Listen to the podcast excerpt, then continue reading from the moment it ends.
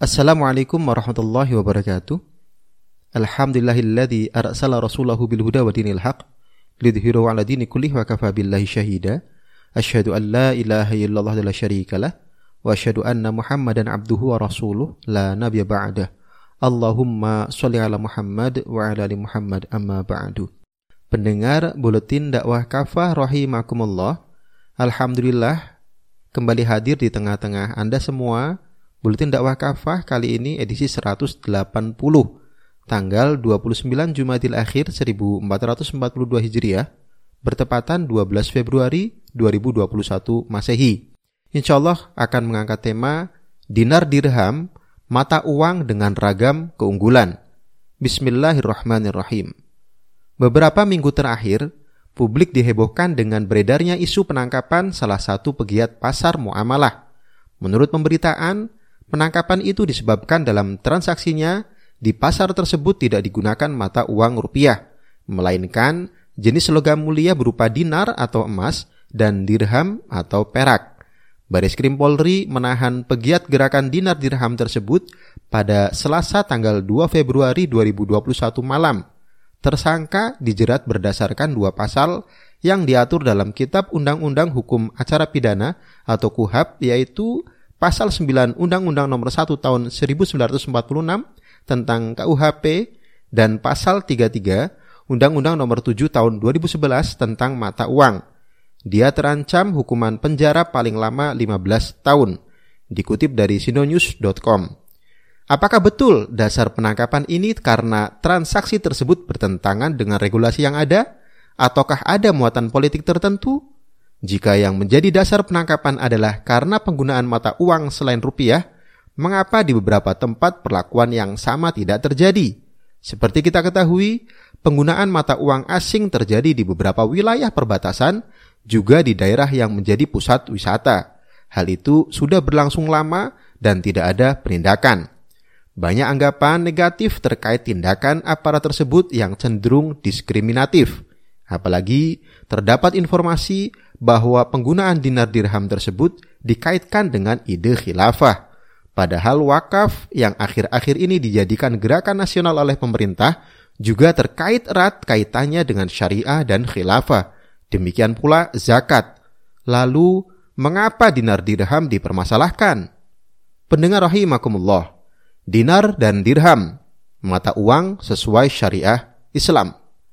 Sejak Rasulullah Shallallahu Alaihi Wasallam sukses mendirikan daulah Islam di Madinah pasca hijrah, beliau menyetujui penggunaan mata uang dinar dirham sebagai mata uang resmi negara. Dinar dirham memang telah lama digunakan oleh masyarakat saat itu.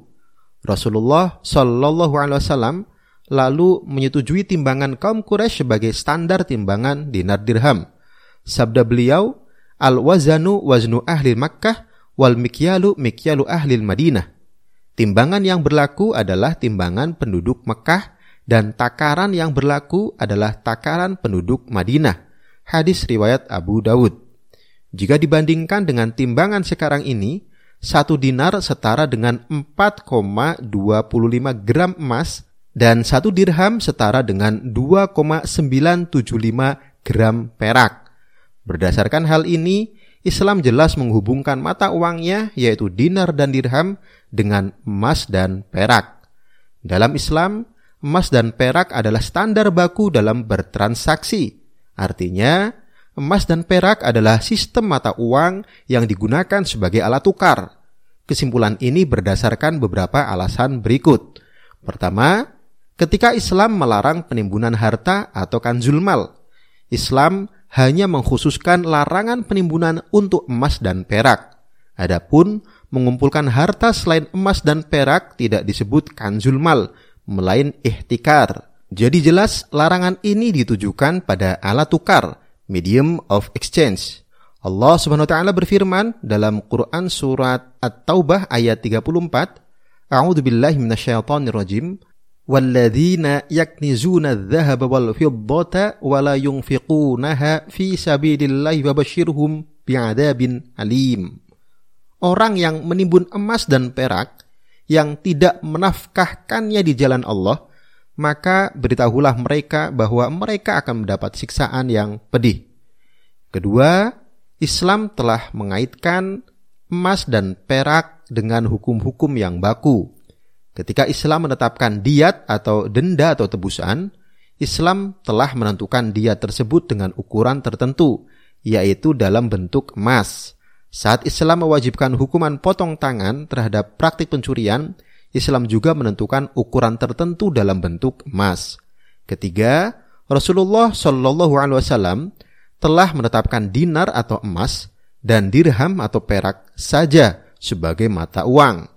Beliau telah membuat standar uang ini dalam bentuk ukiah, dirham, danik, kirot, miskol, dan dinar. Semua ini sudah masyhur digunakan oleh masyarakat dalam bertransaksi.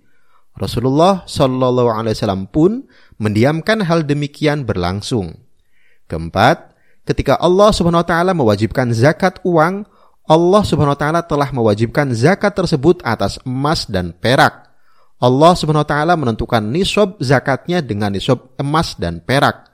Adanya zakat uang berupa emas dan perak menunjukkan bahwa mata uang dalam Islam berupa emas dan perak. Kelima, hukum-hukum tentang transaksi pertukaran mata uang atau money changer hanya dalam bentuk emas dan perak. Semua transaksi dalam bentuk finansial yang dinyatakan dalam Islam hanya dinyatakan dalam emas dan perak. Berdasarkan hal-hal di atas, jelas bahwa mata uang dalam Islam distandarkan pada emas dan perak dengan jenis dan timbangan yang telah ditentukan. Itulah yang disebut dinar dan dirham. Pendengar rahimakumullah, keunggulan dinar dan dirham. Uang yang saat ini kita gunakan sehari-hari adalah uang kertas fiat money Uang kertas ini dicetak oleh pemerintah dengan nominal tertentu. Uang kertas ini tidak memiliki nilai intrinsik.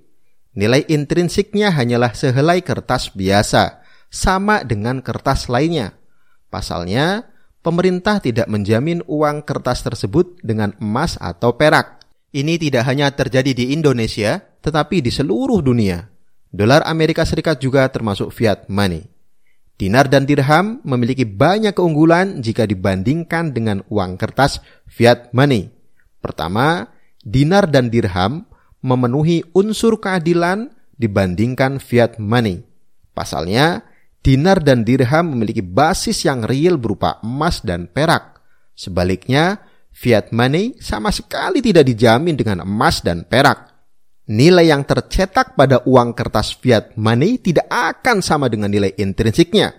Hal ini memunculkan ketidakadilan. Pasalnya, otoritas moneter yang menerbitkan mata uang sudah mendapatkan keuntungan yang sangat besar dari selisih nilai nominal yang tertera dengan nilai intrinsiknya. Sebaliknya, dinar dan dirham jelas adil karena antara angka yang tertera dan nilai intrinsiknya sama. Kedua, dinar dan dirham lebih stabil dan tahan terhadap inflasi. Berdasarkan fakta sejarah, emas dan perak merupakan jenis mata uang yang relatif stabil dibandingkan dengan sistem uang kertas fiat money. Bagaimanapun kuatnya perekonomian suatu negara, jika sistem penopangnya menggunakan uang kertas, negara tersebut rentan terhadap krisis dan cenderung tidak stabil. Bahkan, beberapa kejadian yang berkaitan dengan krisis Salah satunya dipicu karena penggunaan sistem uang kertas fiat money. Penggunaan uang kertas bisa dipastikan akan membawa rentetan inflasi. Hal ini berbanding terbalik dengan dinar dan dirham yang berbasiskan real, emas dan perak. Penggunaan dinar dan dirham akan lebih stabil karena nilai nominal yang tertera setara dengan nilai intrinsiknya. Ketiga, dinar dan dirham memiliki aspek penerimaan yang tinggi, termasuk dalam pertukaran antar mata uang atau dalam perdagangan internasional. Pasalnya, dinar dan dirham tidak memerlukan perlindungan nilai karena nilai nominalnya benar-benar dijamin penuh oleh emas dan perak. Berikut contoh sederhana untuk memahami keunggulan dinar dan dirham. Pada tahun 1800, harga emas per 1 troy ounce setara dengan 19,39 dolar Amerika Serikat. Pada tahun 2004, satu troy ounce emas senilai 455,757 dolar Amerika Serikat. Dengan kata lain, selama dua abad berlalu, emas mengalami apresiasi yang luar biasa sebesar 2.250% terhadap dolar. Contoh berikutnya, pada tahun 1996, ongkos naik haji atau ONH sekitar 7,7 juta rupiah. Hal ini setara dengan sekitar 308 gram pada saat itu. Sekarang, pada 2021, ONH anggap saja rata-rata 40 juta. Jika 1 gram emas hari ini seharga 1 juta rupiah, dengan kepemilikan 308 gram seperti tahun 1996, maka kita bisa memiliki dana sekitar 308 juta. Dengan jumlah sebesar ini, kita dapat memberangkatkan tujuh orang plus uang sakunya. Fakta-fakta tersebut membuktikan dinar dan dirham dapat menjelma menjadi mata uang yang sangat unggul dibandingkan dengan mata uang kertas fiat money mana pun termasuk dolar Amerika Serikat sekalipun. Banyak pihak juga mengakui keunggulan mata uang yang berbasiskan emas. Alan Greenspan, mantan chairman The Fed, berkata, emas masih menjadi bentuk utama pembayaran di dunia. Dalam kondisi ekstrim, tidak ada yang mau menerima uang fiat, tetapi emas selalu diterima. Christopher Wood, seorang analis emerging market CLSA, juga mengatakan, Emas adalah satu-satunya jaminan nyata terhadap ekses-ekses keuangan masif yang masih dirasakan dunia barat. Wood juga mengatakan, ketika nilai tukar dolar anjlok, harga emas akan terus naik. Hal yang sama disampaikan Robert Mundell, penerima Nobel Ekonomi, yang memperkirakan bahwa emas akan kembali menjadi bagian sistem keuangan internasional pada abad ke-21, dikutip dari Hamidi tahun 2007.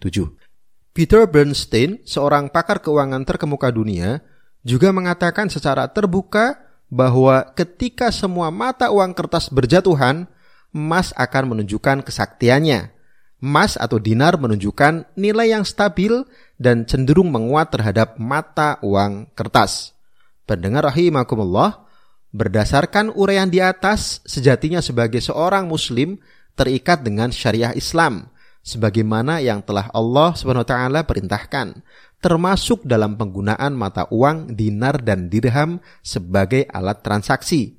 Penggunaan mata uang dinar dan dirham sangat jelas basis dalil syariahnya dan fakta keunggulannya.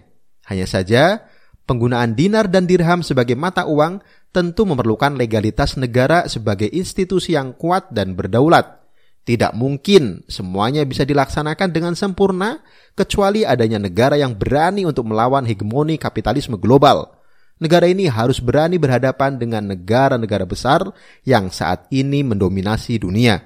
Ini semua tentu hanya bisa diwujudkan oleh institusi daulah Islamiyah yang pernah dicontohkan oleh Rasulullah Shallallahu Alaihi Wasallam yang kemudian dilanjutkan oleh para sahabat beliau dengan sebutan khilafah Islamiyah. Wallahu alam biswab. Demikian materi Buletin Kafah edisi 180 Dinar Dirham Mata Uang dengan Ragam Keunggulan. Terima kasih. Assalamualaikum warahmatullahi wabarakatuh.